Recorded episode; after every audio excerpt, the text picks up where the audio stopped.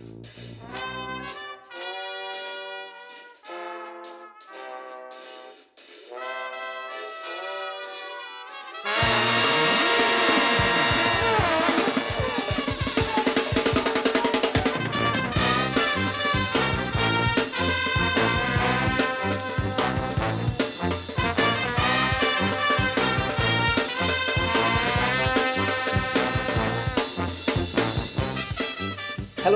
croeso i benod rhif 64 o Ysbeidiau Heilog gyda fi, Llywyd Owen. A fi, Lee Jones, ble byddwn ni'n rhoi sylw i'r pethau bach sy'n gwneud gwahaniaeth mawr i ni yn ystod y cyfnod hollol honco hwn. Nes i bron colli be o'n i'n dweud yn fanna, dwywaith. Yna, yeah, Ie, wneud o'n digon o weithiau yn amlwg. Na, nes i bron anghofio'r intro i gyd. O, a dwy eich lesur yn y frawddeg bach heri. A, sy'n ei i llwyd. Dwi'n ffoen, diolch dwyd. Ag uh, helo i'n gwrandawyr hyfryd ni. E, uh, Just eisiau eich atgoffa chi i tymo, rhannu, hoffi, dilyn, etc. Ar ysbeidio'i heipod ar Twitter, ysbeidio'i heilog ar Instagram. Neu os ych chi'n teimlo bach yn flush, chi'n gallu prynu coffi ni ar Ko-fi a mae pob peth, yr holl wybodaeth yna ar gael ar ein link tri ni sydd ar ein cyfrifon ar y socials. So dyna ni y gweinyddu allan o'r ffordd. Ac ie, uh, yeah, mae gennym ni westau arbennig hen o li. Dwi'n edrych ymlaen yn fawr iawn, Llwyd. Um, ti eisiau rhannu gyda'n gwrandawyr ni? Ie, yeah, baby, wrth gwrs, reit e. So, yn ymuno gyda ni ar y benod hon, mae bardd nofelydd, brace yourselves, bardd nofelydd a chont ddigywilydd, dim fy ngeirio i. Enillodd hi y goron yn Esteddfod yr Urdd 2014 a chyreiddodd restr fer llyfr y flwyddyn 2021 gyda'i nofel wych Twll Bach yn y Nil. Ar ben hynny, hi yw trefnydd celfyddydol Eisteddfod yr Urdd tra bod ei chyfrif Instagram yn llawn cerddi ffraith a ffwc o ffynnu.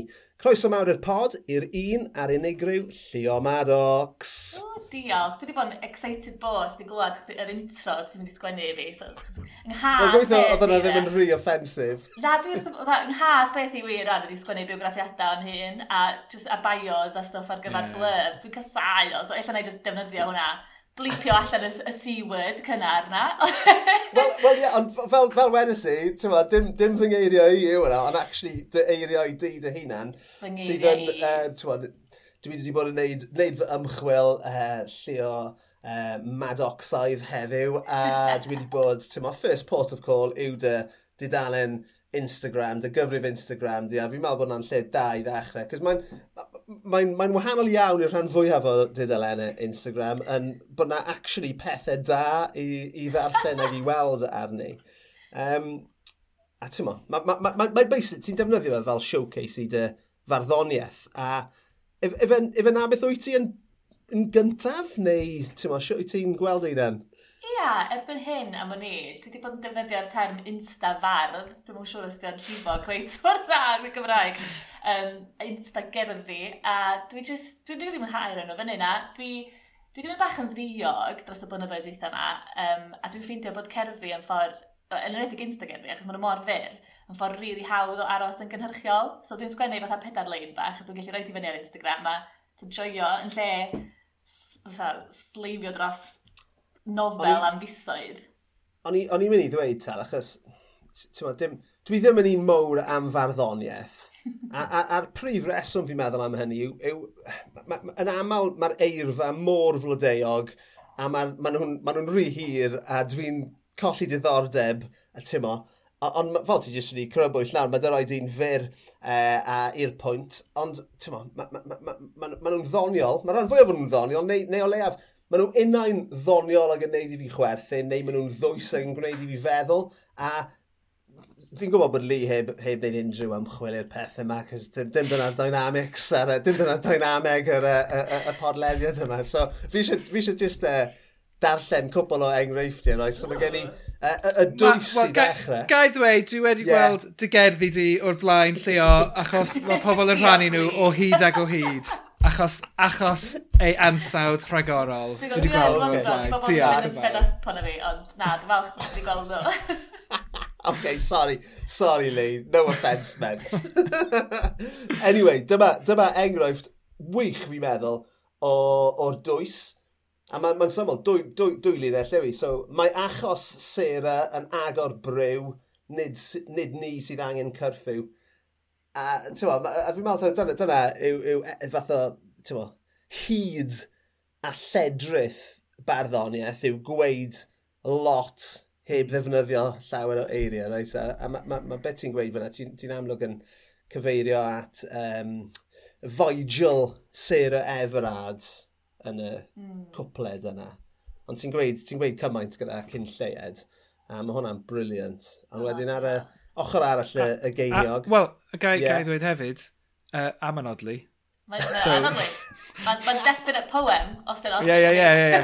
ie. Oh, ie, yeah, mae'n rhaid iddyn nhw. Sa i eisiau gwybod os nag yn anodlu, fo'n honest. No way. Ac ar ochr arall y geiniog, dyma ni, right? So mae hwn uh, yn... Uh, ti yn eitha obses gyda uh, pornograffi, gen, gen i just dweud, ond... Um, Tydyn ni gyd o, ydyn, y boss. Um, so dyma, dyma un arall, mae hwn yn briliant. Wrth sgrolio i ffôn, pendronwyd i'r rheswm dros rasio i'r rhyngrwyd at sgrin llawn min melynllwyd, horni bod neu isio bwyd. Brilliant. Fucking brilliant.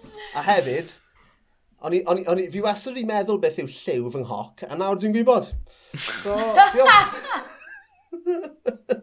Diolch am y visions, felly. Ie. Ond ie. Mae ma barddoniaeth yn gallu dweud lot heb, dweud, heb ddefnyddio lot o eiriau. Ti'n newid dweud lot heb dweud lot o eiriau, Llwyd. So, ie, yeah, diolch. Sorry, I'm, I'm a poet and I don't know it. So, um, ti'n ma? Na, ond on, briliant. Ond, ti'n ma, mae... Mae yna bethau difrifol a hmm. ti'n ti siarad am fath o lot o sort of sex, pethau am, am um, perthynas dynion a merched, mm -hmm. uh, um, dy brofiadau perso personol di, um, ti'n sôn am alar a colled, a, a tymo, wyt ti'n gweld e fel rhyw fel, fel ffordd o, tymo, rhyw release? Ydw, definite. Dwi'n meddwl, nes i ddweud y gyfres stwff mae Hoged i ddeitha fi, sydd yn ymateb i stwff mae Hoged i ddeitha fi. Ie, yeah, o'n i'n dod at hwnna nesaf, cos mae hwnna'n genius. Ac oedd hwnna definite yn ffordd o well, ymateb i y pethau gwirion oedd yn cael ei ddeud. Um, achos dwi ddim, dwi ddim digon ffraeth i feddwl am rhywbeth ar y spot. Ti'n gwybod pan ti'n meddwl troi ffwr mm. o ffrae, a ti'n meddwl, o, oh, pam nes i'n dweud hwnna? Pan ti'n gyrriadau yeah. yn y cawd y diwrnod wedyn. Ie, ie, ie. Oh, mor frustrating. So, yng ngherddi i di fatha'n ffordd fi ddal i fynd efo be, be ddylwn i wedi dweud yn yr eiliad yna. Um, a to, achos bod fi'n cyhoeddi nhw ar Instagram hefyd, mae gennau reolaeth pyr dros be dwi'n sgwennu a pryd dwi'n rhoi nhw allan a dyn nhw'n cael eu ffiltro gen unrhyw un sy'n rili neis. So dwi jyst yn gallu rhoi'r pethau yma allan. So, uh, stwff am porn, stwff am sex a vaginas a periods a falle. Ella sa golygydd yn deitha fi, ww, ti'n meddwl ddyla chdi tonio hynna lawr, ond mm.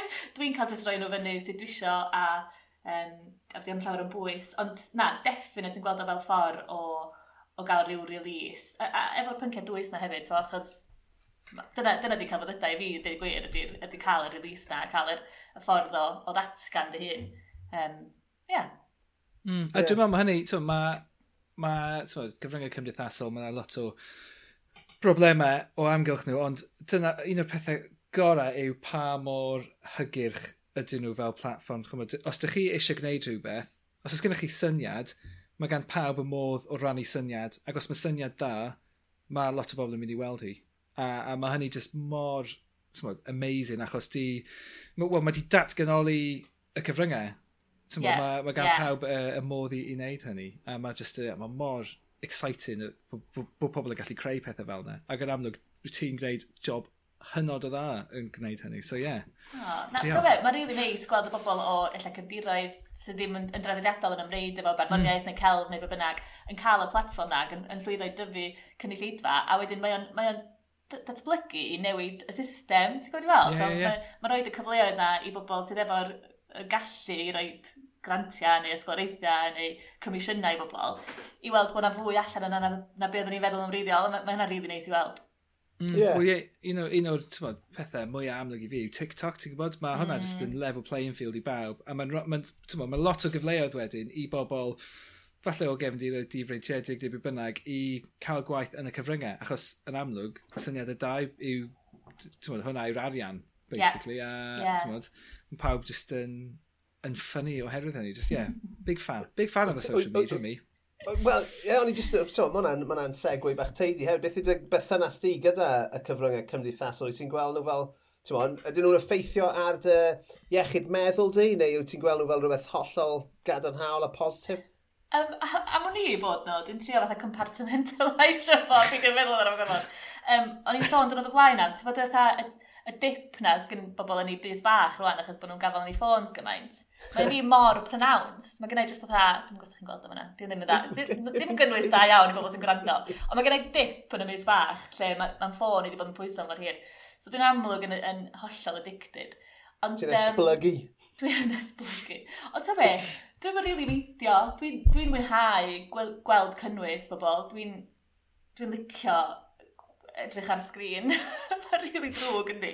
A dwi, dwi chwaith dda, dwi rioed wedi teimlo fatha'r gystadleuaeth na pan ti'n ti gweld fatha'r influencers efo'r bywyd perffaith a falle. Dwi'n dwi dall bod ei bobl yn definitely cael ei effeithio ar gen hynna. Mae ma rhan fwyaf Instagram feed fi yn um, pizzas neu pethau efo melted cheese. Ti'n pan mae bobl yn fatha sgwpio melted cheese allan oh, yeah. So dwi'n mynd really gweld yr ochr fel bobl efo flat stomachs a, a draeth yn Dubai. Dwi'n jyst yn gweld loads o gaws. Um, OK, so, so mae hwnna, cwestiwn dy fi. Wyt ti wedi gweld y fideo uh, o'n nhw'n dangos fel the, the secrets behind food advertising? Ti wedi gweld rhaid Na, o-o, os ochr dywyll i Instagram feed Na, na dim ond ochr dywyll, just, just, so, ti jyst wedi gweud bod y feed i'n llawn, ti'n ma, photos a stuff o, o pizzas. Wel, ti'n gwybod, mewn hysbysebion pizza, am so maen nhw'n gwahanu'r pizza a mae'r yeah. caws fel na.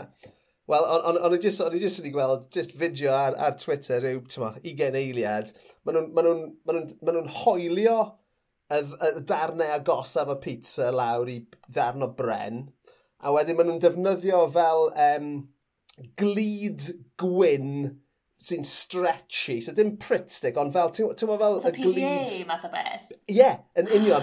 a wedyn, a wedyn, maen nhw'n, a wedyn, amser maen nhw'n tynnu'r pizza, y darn pizza allan, mae fe'n mynd yn string i gyd. Dwi wedi cael fy nhwyllo. Dyna pam di pizzas fi ddim yn edrych yn fath ar pizzas ar Instagram fi, achos bod na ddim PVA yn nhw. Yn oh, union. Oh, So ie, yeah, hwnna, tro nesaf ni'n mynd i Papa John's, fi'n mynd i ofyn am bach o lead ar fy, ar fy nghitau. Ond ie, yeah, mae hwnna'n... mae hwnna'n siŵr o'n gweud lot o dal o beth fi'n fi gwylio ar-lein hefyd. So, e, um, anyway, ag hefyd am sôn am gaws wrth gwrs. Beth sydd wedi digwydd i Lee? Di Lee di mynd fyd. Mae Lee di mynd. Pam di mynd? Pam, pam bod Lee di mynd? O'n i di mutio? Wel, sa'n gwybod, ond nes di fynd yn dawel iawn. Beth ti'n gweud, well, ffrind? Wel, o'n i, just, o'n i mor excited, o'n i'n mynd i wneud y segwe fy hun wedyn, ond uh, ges i'n cyfle achos o'n i wedi accidentally mutio fy hun. Uh, OK, well, ond, yeah, edit Leo, points, let's go. Felly, Leo, be di dy hoff gaws ti, gan bod ni'n siarad am gaws? Mor broffesiynol. dwi wedi bod yn pedroni dros hwn, achos dwi yn vegetarian, felly yn naturiol mae caws yn rhan mawr, mwy mm -hmm. nag mhm. arfer o mywyd i. Ond dwi wedi mynd am comte Ie, hmm. yeah. yeah. caws caled. Caws calad. Dwi'n meddwl bod Comte fatha yr lefel perffaith o dosbarth canol i sgrifio fi hefyd, achos mae o just digon posh a bach yn wahanol i beth sy'n chdi'n dewis fel arfer ella, i, i, i ddangos bod chi'n gwybod chdi bach yn dy gaws, fo. Ond hefyd, dio ddim yn pretentious fel caws, so os ti'n licio cheddar, ti'n probably mynd i licio Comte, mae o jyst chdi bach yn fwy nutty. Wel, so, just... nath o'n i'n mynd i ddweud, union, i'n mynd i ddweud, mae fe'n ma fe, ma fe gneog ostod yn ar uh, gair. Cneillid. Beth? Cneillid. Yep, mae fe'n air. Mae o rwan. Wel, just, just, just gruyere yw e, di we? Basically, Basically. Yeah. Gruyere sydd ddim yn dod o swistyr. Gruyère, ie, yeah. yn union. A mae o'ch bach mwy anghyffredin, dwi'n meddwl, na dy gruyère mm. ddim emmental, taldi a falle ynddi. Sydd eto, oh, yeah, yeah. mae'n bach mwy o nish. Dwi'n licio pethau sy'n bach yn nish. Um, yeah, yeah, cadw yeah. ddweud yn y hynna mewn lle. Ond dio ddim so, byd special, really, to? So, so fi all over, really.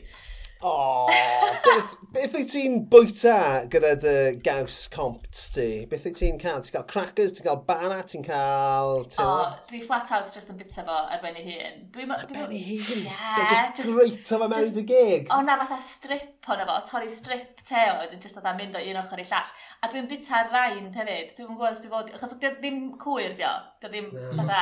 Mae hwnna'n mynd roi cancer i ti. Paid y deud yna. Yr unig... Yr unig...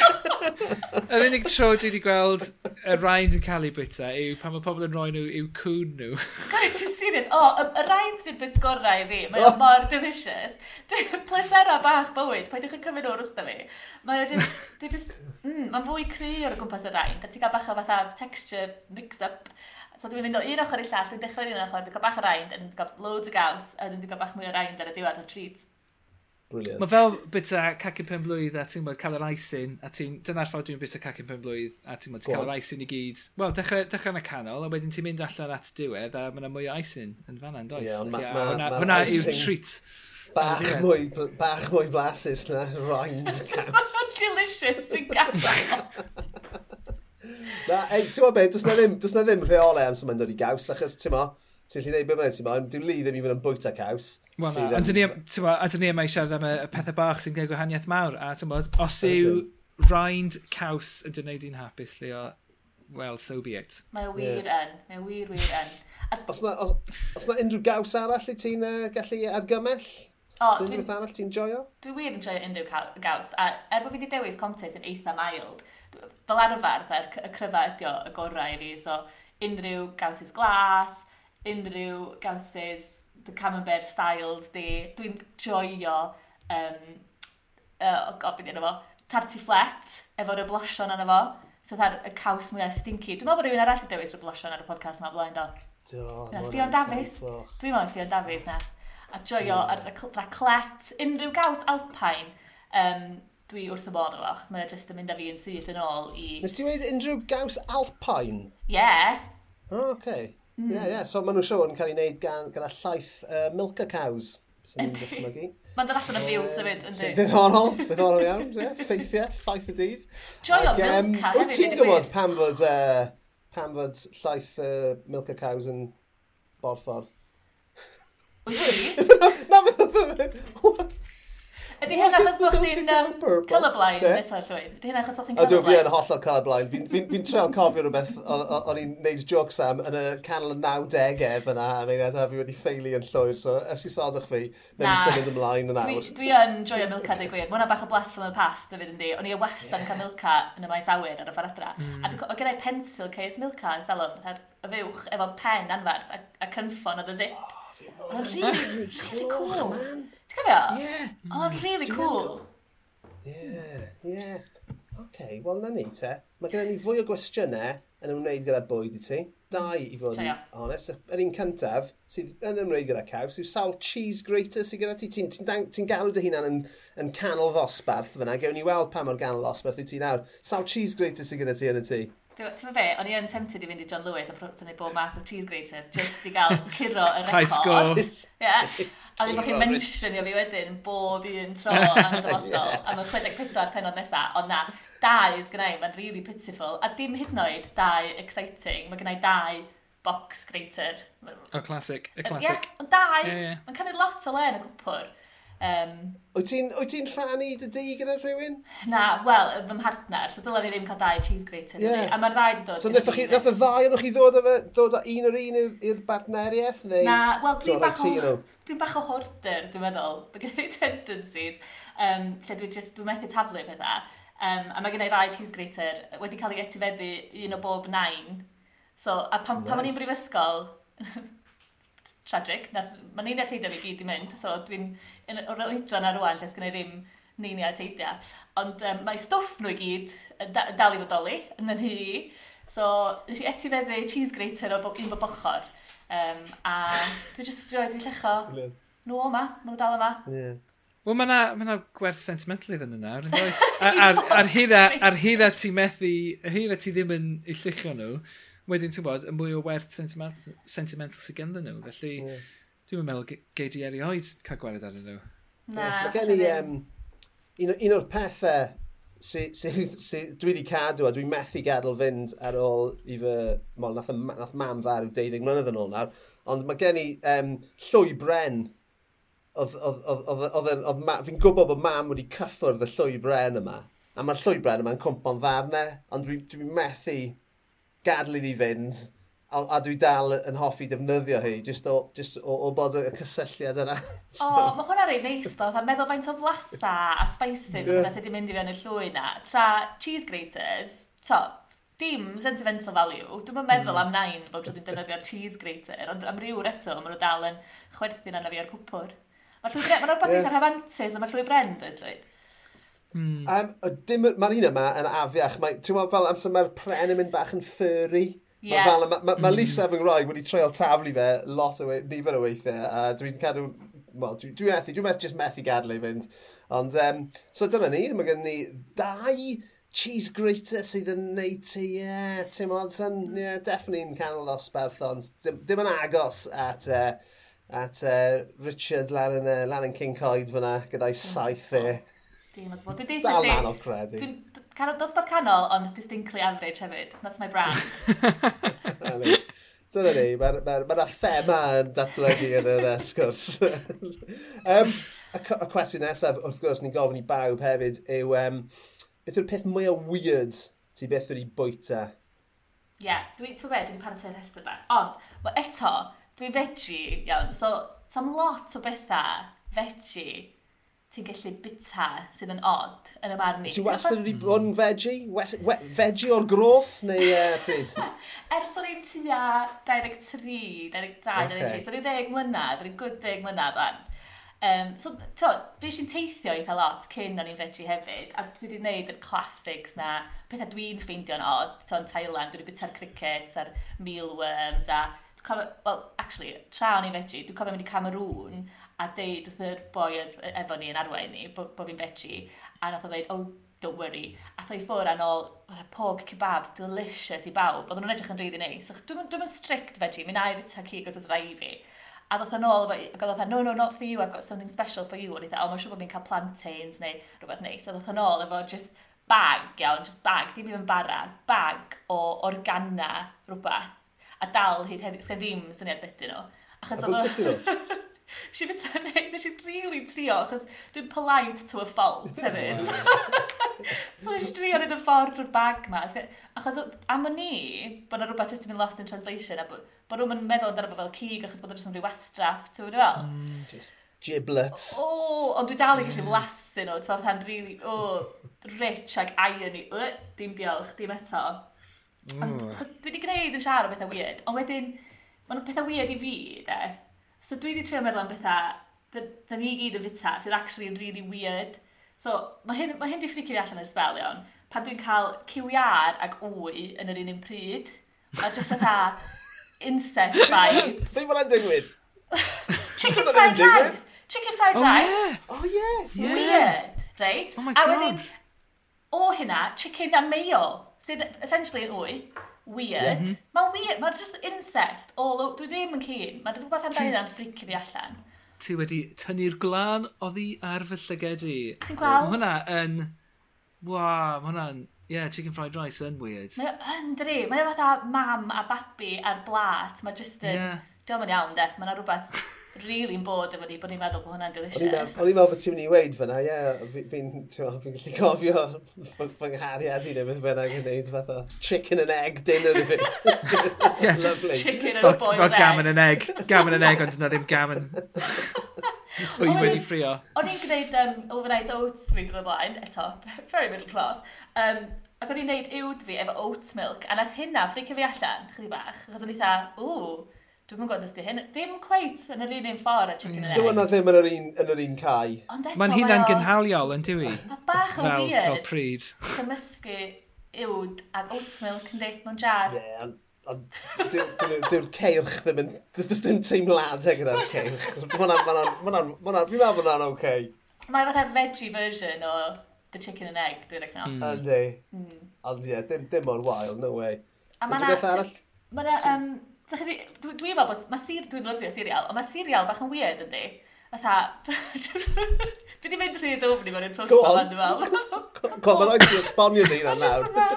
Mae'n, to, dwi'n gwybod, bwlan o rhywbeth crunchy, a wedyn da ni'n rhoi llwythau llefrith arno fo, disgwyl ddim yn mynd yn sogi, a wedyn bita fo.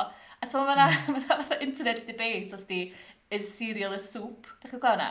Mae bobl yn trio fatha ffigur allan os di'n soup yn fideo. A mae, mae o bach o soup yn di, fatha soup brecwast. Chos Mae'n... Wel... Mae'n union beth fydda. Byswn ni... Byswn ni'n dweud... Wel, dwi ddim yn hoffi... Dwi ddim yn hoffi cawl, so... So, uh, ond dwi'n hoffi... Rhywbeth arall sy'n hoffi... normal. Na, ond dwi'n hoffi cereal, so... Yeah. Ond... Oh! Yeah felly, felly obviously, dwi e ddim yn gael. Dwi e ddim yn gael. Dwi e ddim yn hoffi cael. Ond, yn, uh, maen nhw'n bwyta cael i frecwast yn Malaysia. Mm. Mae yna rhywbeth maen nhw'n yeah, cael pob bore yna. Yeah. Dim serial lle, Dim just serial ti'n neud. Na, go iawn gyda, ti'n bod, fel um, perlysa a pob dim yna fe, ti'n bod. Wyt ti'n yfed llaeth li ar dy serials? Wyt ti'n yfed llaeth ar dy serials, Leo? Dwi, ie, yeah, wel coconut milk sgynna i fel arfer, fel Mae'n gweud bod ni'n canol Dim ond dau, dim ond dau. Mae'n lan. Mae'n Dim ond dau cheese grater ond, come on. Mae gen i coconut milk i coffees fi, ac oat milk i ywd fi, so... Ti'n cadw nhw ar fy han? Oh, rhaid. No, Ti'n gallu gwneud, ti'n gallu gwneud... Yeah, I mean, dwi methu yfed llaeth um, buwch mwyach. Mae ma fe'n mynd trwyddo fi. Mae jyst y, y, y syniad, y, jyst y cysyniad yn mynd trwyddo fi.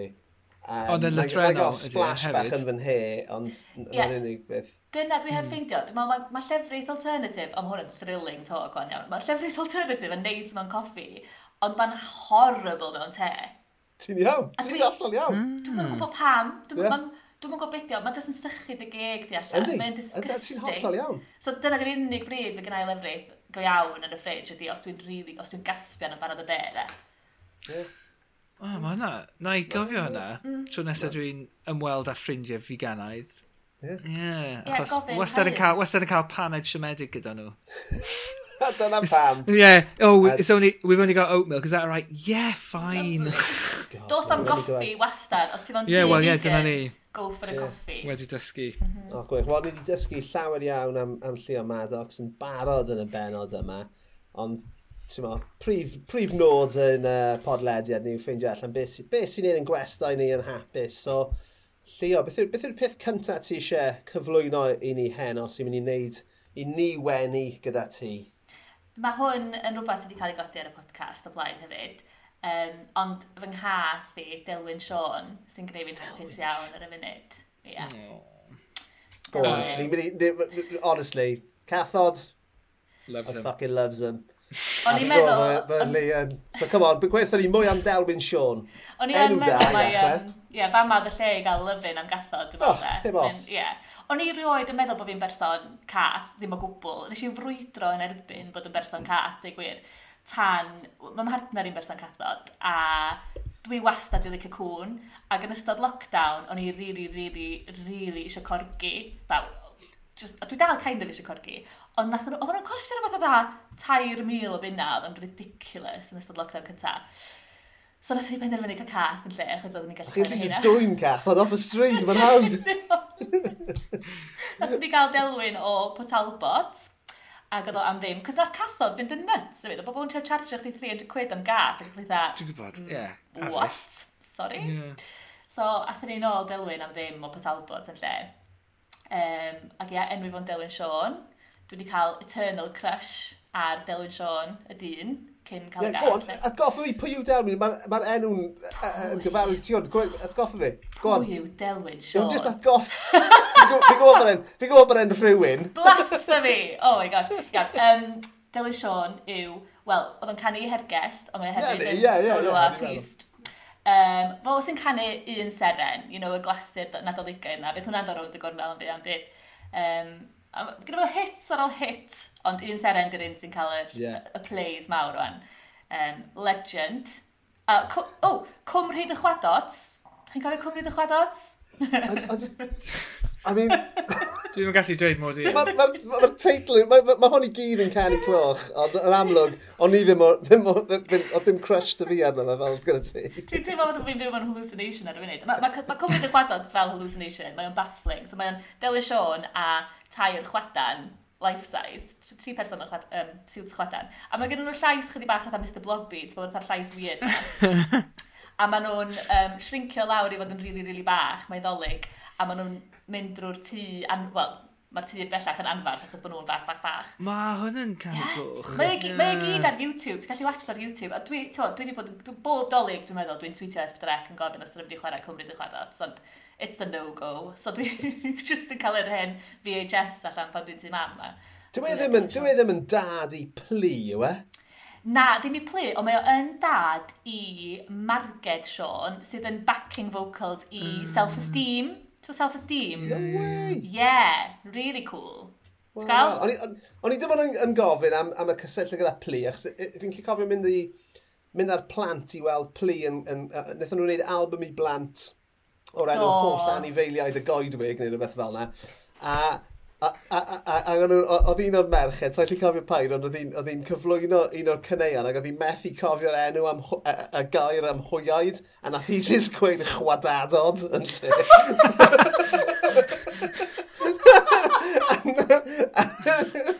so fi, fi, a, fi a, wel, dwi'n plant, mae'r plant wedi stopio, fi dal yn galw hwyaid yn chwadadod ar bob cyfle posib. Oh, so ni'n meddwl falle bod yn... Ond ie, lush. So anyway, Delwyn Sean y Gath. Uh, pa, pa liw yw Delwyn Sean y Gath? Uh, di ydi Delwyn Sean y Gath. O'n i wastad eisiau cathu. A mae o'n mae o nobed, de. Di o ddim yn licio fi o gwbl. Mae nhw gyd yn nobed. O, ie, ie, ie. Pob un o'n nhw'n nobed. Dyna pam dwi'n licio fo.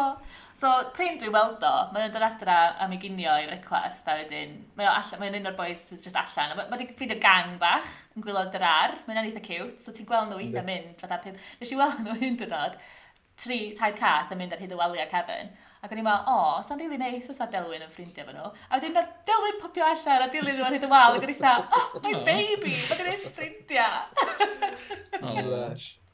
Dyna be, uh, dyna be dwi eisiau i'n hath i, i fydd fe. Ond i oeddech chi'n dweud i chdi, Iwan, bod chdi eisiau ffrindiau. Ie, yeah, dwi eisiau ffrindiau, yeah.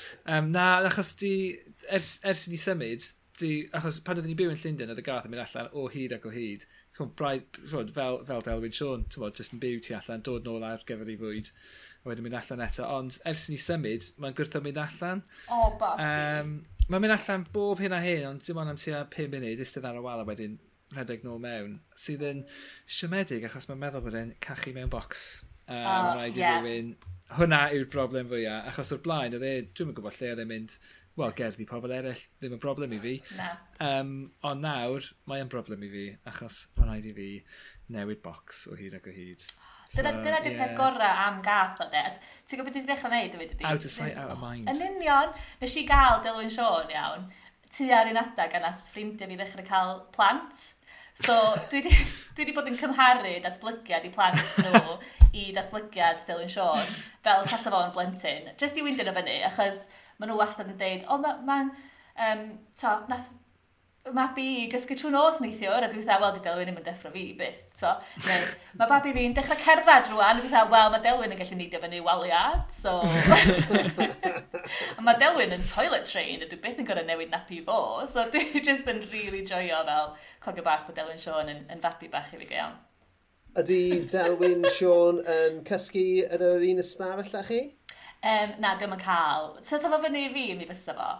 Ond dio ddim fyny fi, so mae o'n gorfod cysgu ti allan ar landing. Reit oedd y drws fi bychod, mwa si. O, di fach... y broblem sy'n gen i, dwi, dwi, dwi, dwi ddim yn gysgwr trwm, a, a mae fy ngroeg i yn, so hi, yn aml mae hi'n gadael y gath mewn, ma, dwi ddim yn sylwi bod y gath ar y gwely wrth i ochr hi, a wedyn, ti'n ma, am ddau'r gloch y bore, mae'r gath yn pyran yn fy ngwyneb i, a wedyn fi'n goffi mynd lawr ar gath, a wedyn dwi'n methu mynd nôl i gysgu, bla bla bla. Oh, so, yeah, dwi, ti dwi, dwi, well, sy'n cadw gath allan. Yeah, dwi'n deffro bob nos am tua oh, dau gloch gyda'r gath. Achos mae'r achos Mae'r gath, achos dwi ddim yn mynd allan, so mae fe jyst yn, yn effro, ond nawr mae fe'n disgwyl bwyd am dau gloch yn y bore. Na. so mae'n deffro, mae deffro fi, a, a'r thing yw hefyd, mae ma fe wedi dysgu i'n deffro ni, wel, i deffro fi yng nghanol y nos, Dwi'n meddwl, oedd ganddo fe chwain unwaith, ac oedd e jyst yn, yn sefyll yn ystafell ac yn cosi o hyd ac o hyd, ac oedd hwnna'n deffro fi, felly nawr, mae fe jyst yn, jyst yn cedi mewn i'r stafell a dechrau cosi, fel bod hwnna yn gwneud i fi dysgu. deffro. A mae mor yn oen achos, o, ma, achos mae gennym fe loads o flew, achos mae gennym fe flew hir. Felly mae gennym blew ym mhob man. Mae deffro fi am ddau gloch y bore, disgwyl bwyd. Ie, uh, yeah, dwi'n mynd lawr na, yn dydw i. A dwi'n ngharu di, nath yng ngharu di bore yma, nath hi, nath hi ddeffro a dweud, oh, Cat didn't wake us up last night. Well, didn't wake you up, did he? oh, mae o wedi dall i ni, mae o wedi gweld chdi'n dod, Lee. Yn union, dwi'n gwybod. Ie, yeah. yeah, a wedyn ti'n gwybod, ar, ar glin pwy ydi e'n neidio arno fe bob tro. Nid fi. Nid fi sy'n cael y canu gryndi. A dyna ni'n ôl i'r ffaith bod nhw i gyd yn wankers. Yeah. Pob A dyna beth sy'n dda, ddew. Yeah. Ti rili eisiau fatha ennill y cariad nhw, does? Mae o'n bonkers. Mm. Yeah. Ond ers, ers, ti, ers ti ddweud am dy gath di fel y pwnc, dwi wedi bod yn gobeithio, croesi fy mysedd, bod yng Nghath i'n mynd i geddi mewn i'r stafell. Ond uh, di ddim.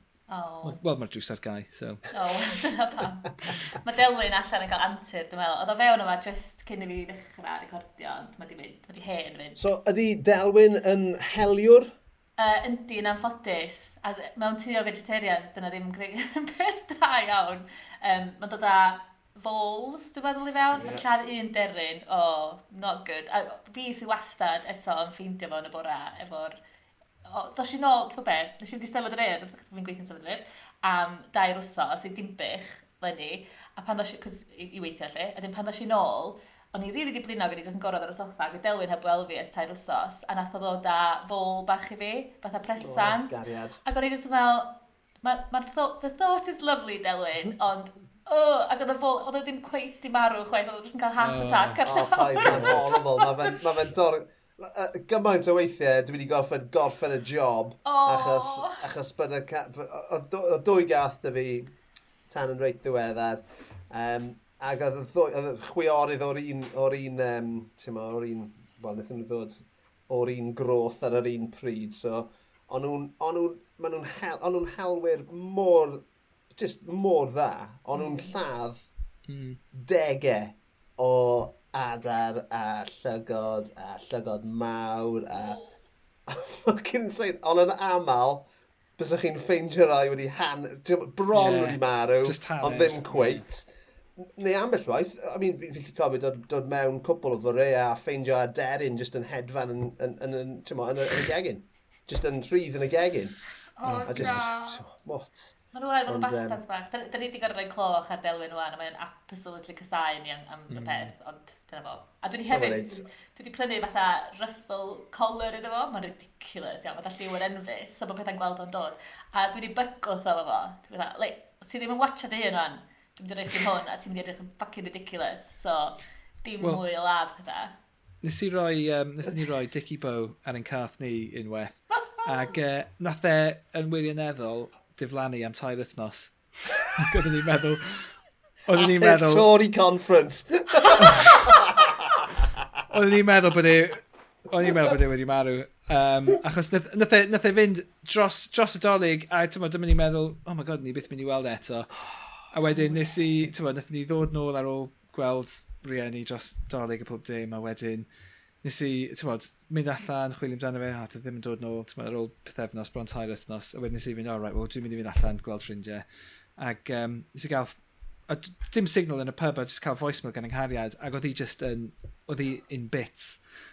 Um, achos oedd y gath wedi dod nôl, so dyma fi'n dweud wrth pawb ar y pub, dwi'n mynd adre. Sorry, mae'r gath nôl. gath adre. Mae'r gath nôl. Ac oedd nhw gyd, just fel, it's alright, we get it, go. Um, A ie, ti'n tymod, dyma ni'n mynd, mynd adre, ac oedd e jyst yn seimllid i gyd, ac oedd gyda fe ambell tic arno fe. Ond, ie, um, yeah, dim syniad ble oedd e. Falle oedd e jyst yn tymod, byw yn biniau takeaways. Oedd y dicky i bow dal gyda fe? Na, na goedd, felly... Na, oedd o'n siŵr, oedd wedi pwdi, oedd yn gyda'r... Doedd e o ddim yn ôl tan oedd o'n gwarad ar dic i bo. Yn union, yn union. Gwych. Ond, ie. Leo a ni, fi'n gwybod gallwn ni siarad am Delwyn mm. Sean y gath am oriau. A Delwyn Sean y dyn, i fod yn onest. a, a dyn wrth gwrs, ti'n fo. Nawr, nawr bod fi'n cofio pwy yw e. Ac, um, o'n i, ti'n fo, ni yn gofyn i'n gwesteion, dod â dau beth sy'n neud nhw'n hapus. So, beth, beth, beth arall sy'n gyda ti i ni heno? Wel, oce, okay, so dwi'n gwybod bod gen i gathod yn gyffredin iawn, ond lle newch chi crucify fi am hwn, neu lle newch chi licio fo, ond dwi wedi pigo bywyd heb blant. I'm with you on that one. so mae'n definitely going to say out of that.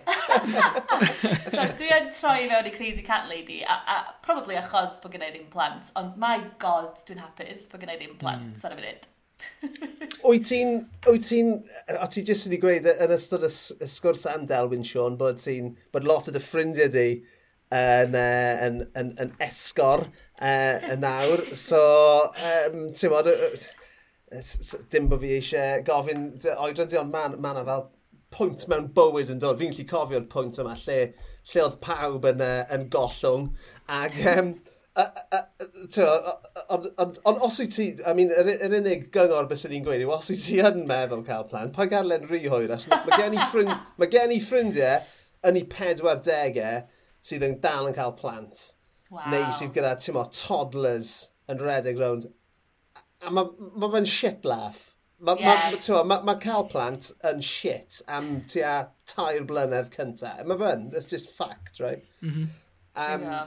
Dwi'n gwybod sy'n yeah. Mae fe'n gwella, ond ie, yeah, ond ie, yeah, Jesus Christ.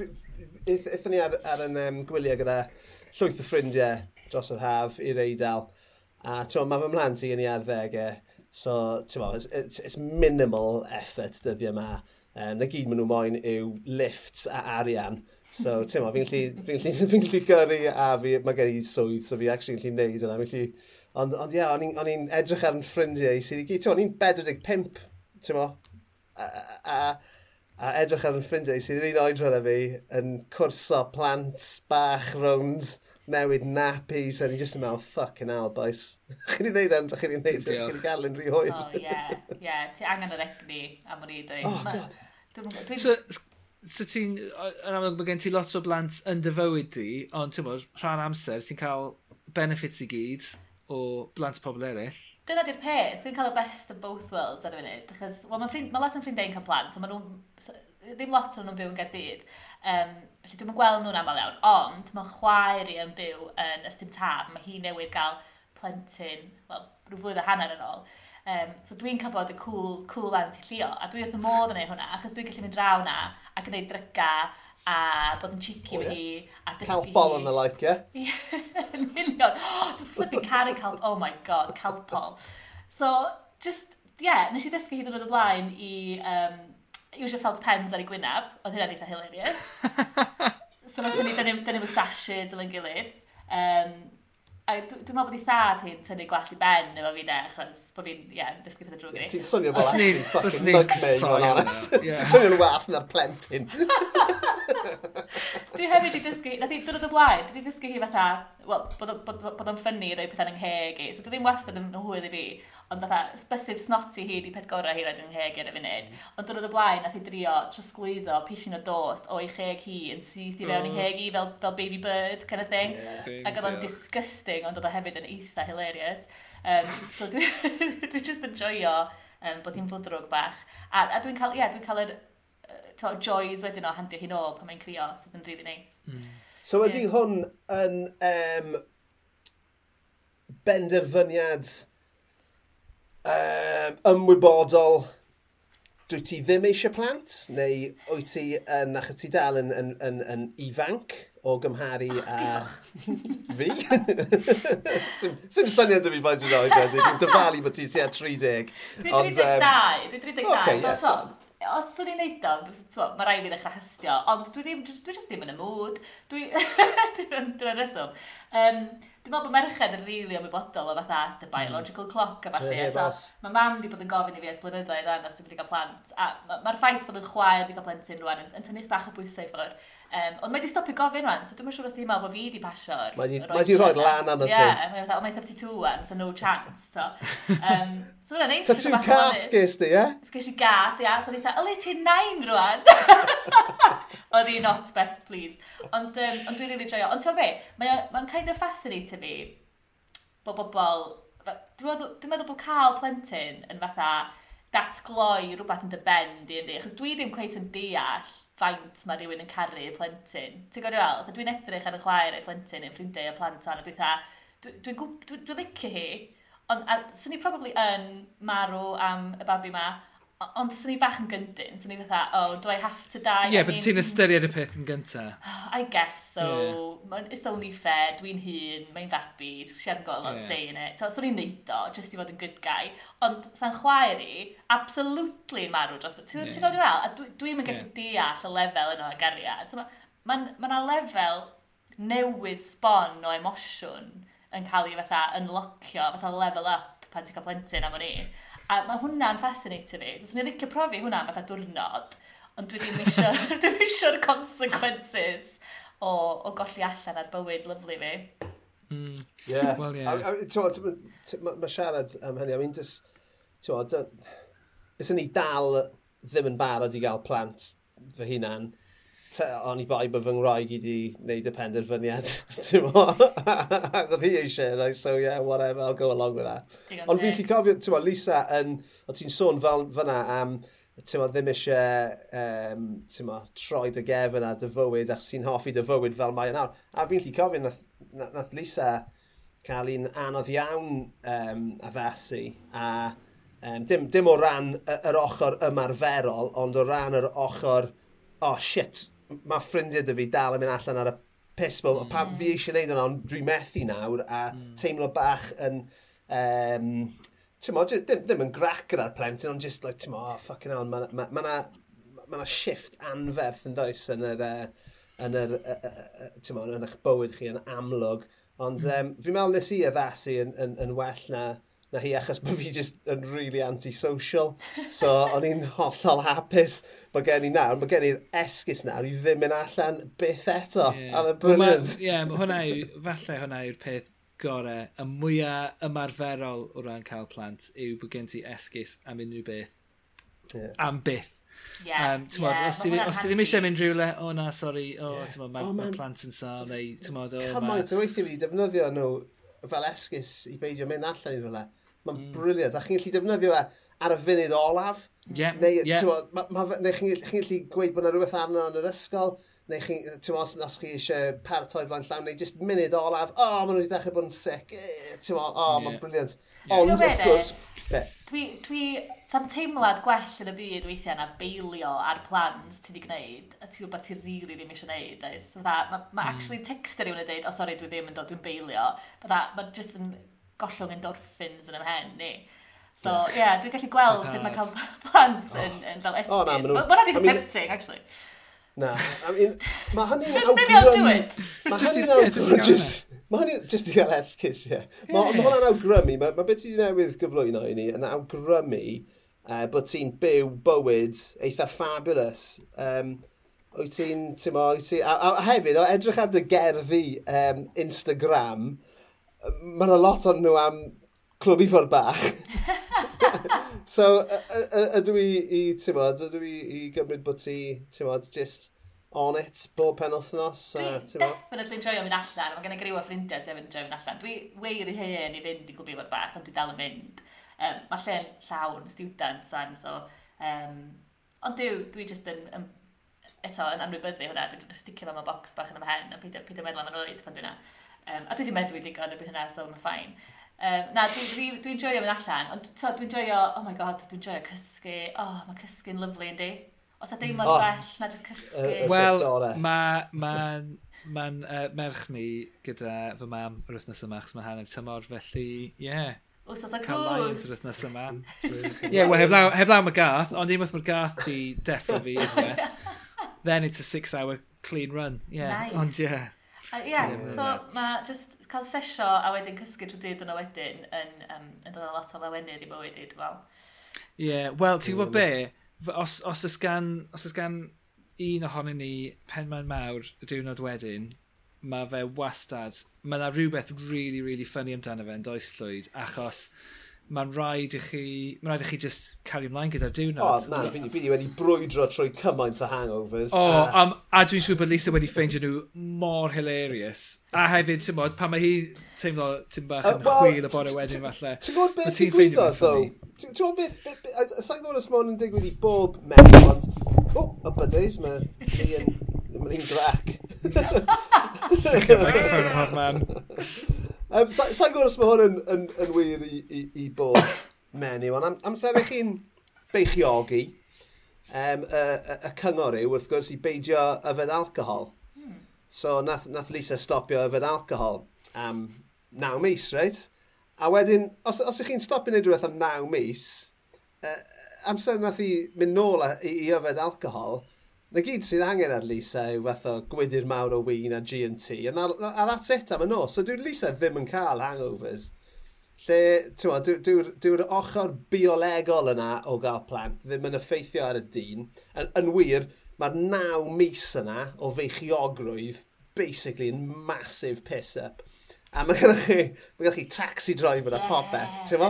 A, yeah, so, so, so, ti'n mo, so, yeah, ti'n mo, mae Lisa wedi gweld fi mewn nifer o mo, sefyllfaoedd um, me mewn soft plays ar bore di seal, stwff fel na. Mm.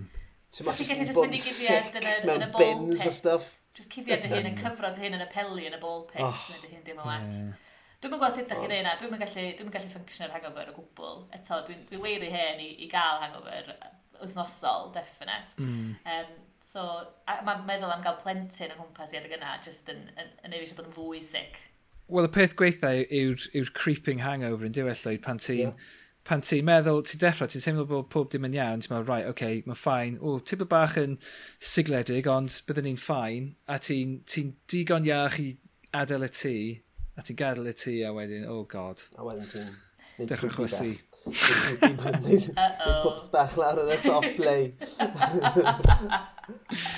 pa fath o, pa fath o ddyn yw dy bartner di? Ydy fe bys fe'n eitha hands-on fel tad? Ti'n gwybod, achos ti'n dyna'r peth, ti'n gallu, ti gallu cario ymlaen i fyw dy fywyd os oes gyda ti ddyn sy'n... E, Gwir. Ti'n fach yn da.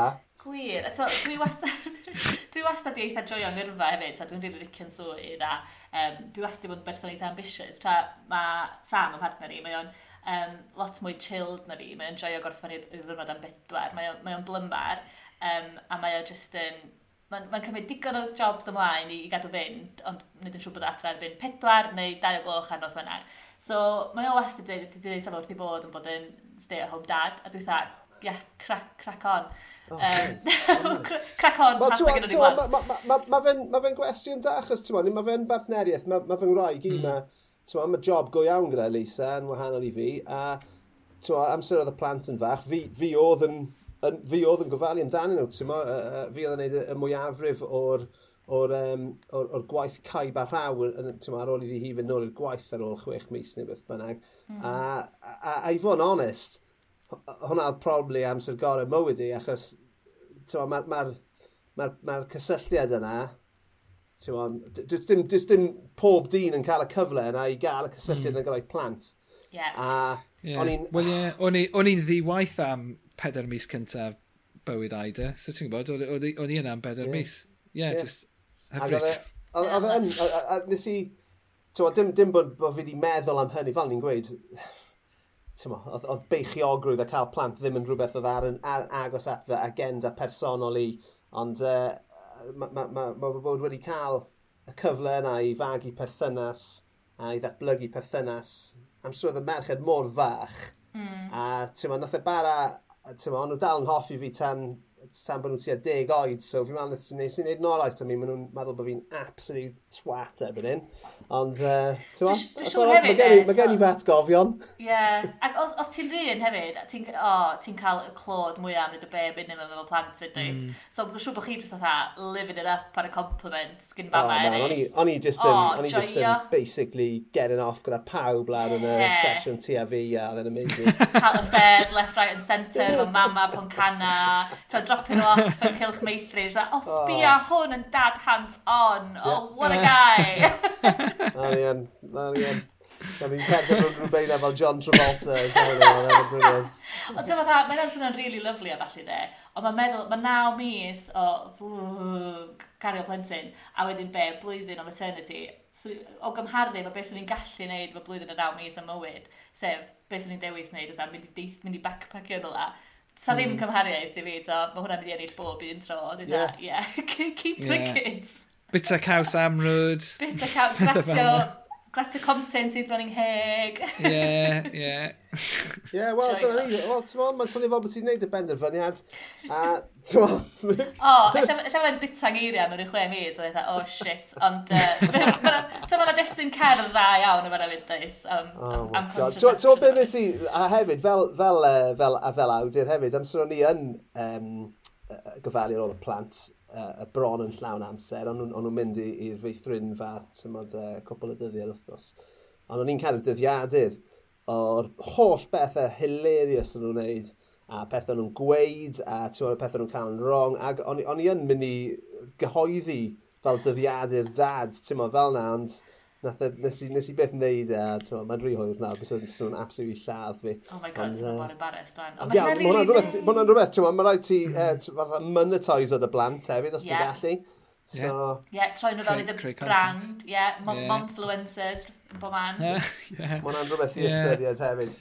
Wel ie, ie, dyn ni wedi crebyll y peth, dwi'n siŵr, droion ar podlediad yma llwyd yw'r ffaith bod cael plant yn ar yr un pryd y peth gorau a'r peth gweithau i ddigwydd i chi yeah. mewn bywyd. Mae fe'n hollol, um, hollol wir. Ond ie, dwi'n dwi uh, gweld eisiau'r rhyddid yna uh, o dro i dro llio, felly, um, yeah, dwi'n, ie, yeah. well, pethau bach achos, ti'n modd, pan ti'n cael plant, ti ddim yn mynd i'r cinema erioed. Yeah. Wel, ti ddim yn mynd i'r cinema am dair mlynedd, a wedyn, yr ah. unig, yr unig tro ti'n mynd i'r cinema am y deg awr nesaf yw i weld ffilmiau plant. Nethon ni fynd, nethon ni fynd i weld Lyle Lyle Crocodile, a nethon ni adael ar ôl chwarter awr, achos, achos doedd hi ddim yn hoffi'r crocodile. Amazing. It's a film about a crocodile, for fuck's sake. Fysa'n digwydd gallu ddeud hynna cyn i ti bod yn tecynna? Ie, yn union. Yn union. Ac oedd, ti'n o'n i wedi bod yn mynd i'r cinema, dwi'n gweld y trailers i gyd, a gweld, oh yeah, film about a crocodile coming up, oh okay, yes, Lovely. and then mynd i wylio hwnna, Crocodile sy'n canu. A wedyn dyma ni, gwylio'r ffilm Crocodile yn canu, Oh, crocodile scary, daddy. Oh, is it? Yeah, bloody hell. All right, then. Grow up. Thanks for telling Adrani. me. Adrani, yeah. Adrani oh. wedi gwario 40 quid. O'r chwarter awr. Oh, mae hwnna fyd, oh. mae cael, cael disposable income. Oh my mm. god, mm. dwi wrth y môr. Oh. Beth, Beth yw hwnna? Nes fi'n fi sort of diolch yn gynnu. Mae costa, costa gwerch o plant. Do not get me started outrageous. Outrageous. Mhm. Yeah. Os chi eisiau neud eich miliwn a gorwch fe ffrinfa. Yn iaith Gymraeg, os yn bosib, cys e, maen nhw'n orlawn. Cyrraedd y miliwn. premium. Right, te, so dyna ni, y neges, fi'n meddwl, yw uh, neges y benod yma, yw uh, peidiwch cael plant, cewch gathod yn lle. Yep. So ar y nodyn yna, um, sgwrs ti wrth i blygio, mae gen ti lyfrau i'w plygio wrth gwrs, maen nhw ar gael o'r lolfa, I guess, ie? Yeah? Yndi, lyfio'r lolfa. Mae nhw ar gael yma na. Mae gen i bamffled y gerddi fyd ar gael o cyhoeddiad ar stamp. Um, ond jyst dilynwch fi ar Instagram, cos gywch chi nhw'n ddim yma na, os da chi eisiau. Um, a to beth sy'n edrych allan yn rili really sy'n rili really exciting, ydy cyfyd, addasiad Cymraeg o lyfr Sex Education, y gyfres Netflix, so fi sy'n neud yr addasiad Cymraeg. So, um, os da chi eisiau darllen a gweld sut dwi wedi cyfeithi orgasm mewn gwahanol ffordd, 20 o weithiau, um, ejaculate, oedd hwnna'n hwyl i gyfeithi. Um, prynwch gopi o hwnna. Wel, mae hwnna'n really good, really good sales pitch yna. Ti di bachu, ti di bachu y grandawyr yna. I know my audience. Llio Maddox, diolch yn fawr iawn i ti am gadw cwmni i ni ar y benod yma a pob lwc gyda popeth yn dy fywyd prysur llawn hwyl Diolch. Diolch.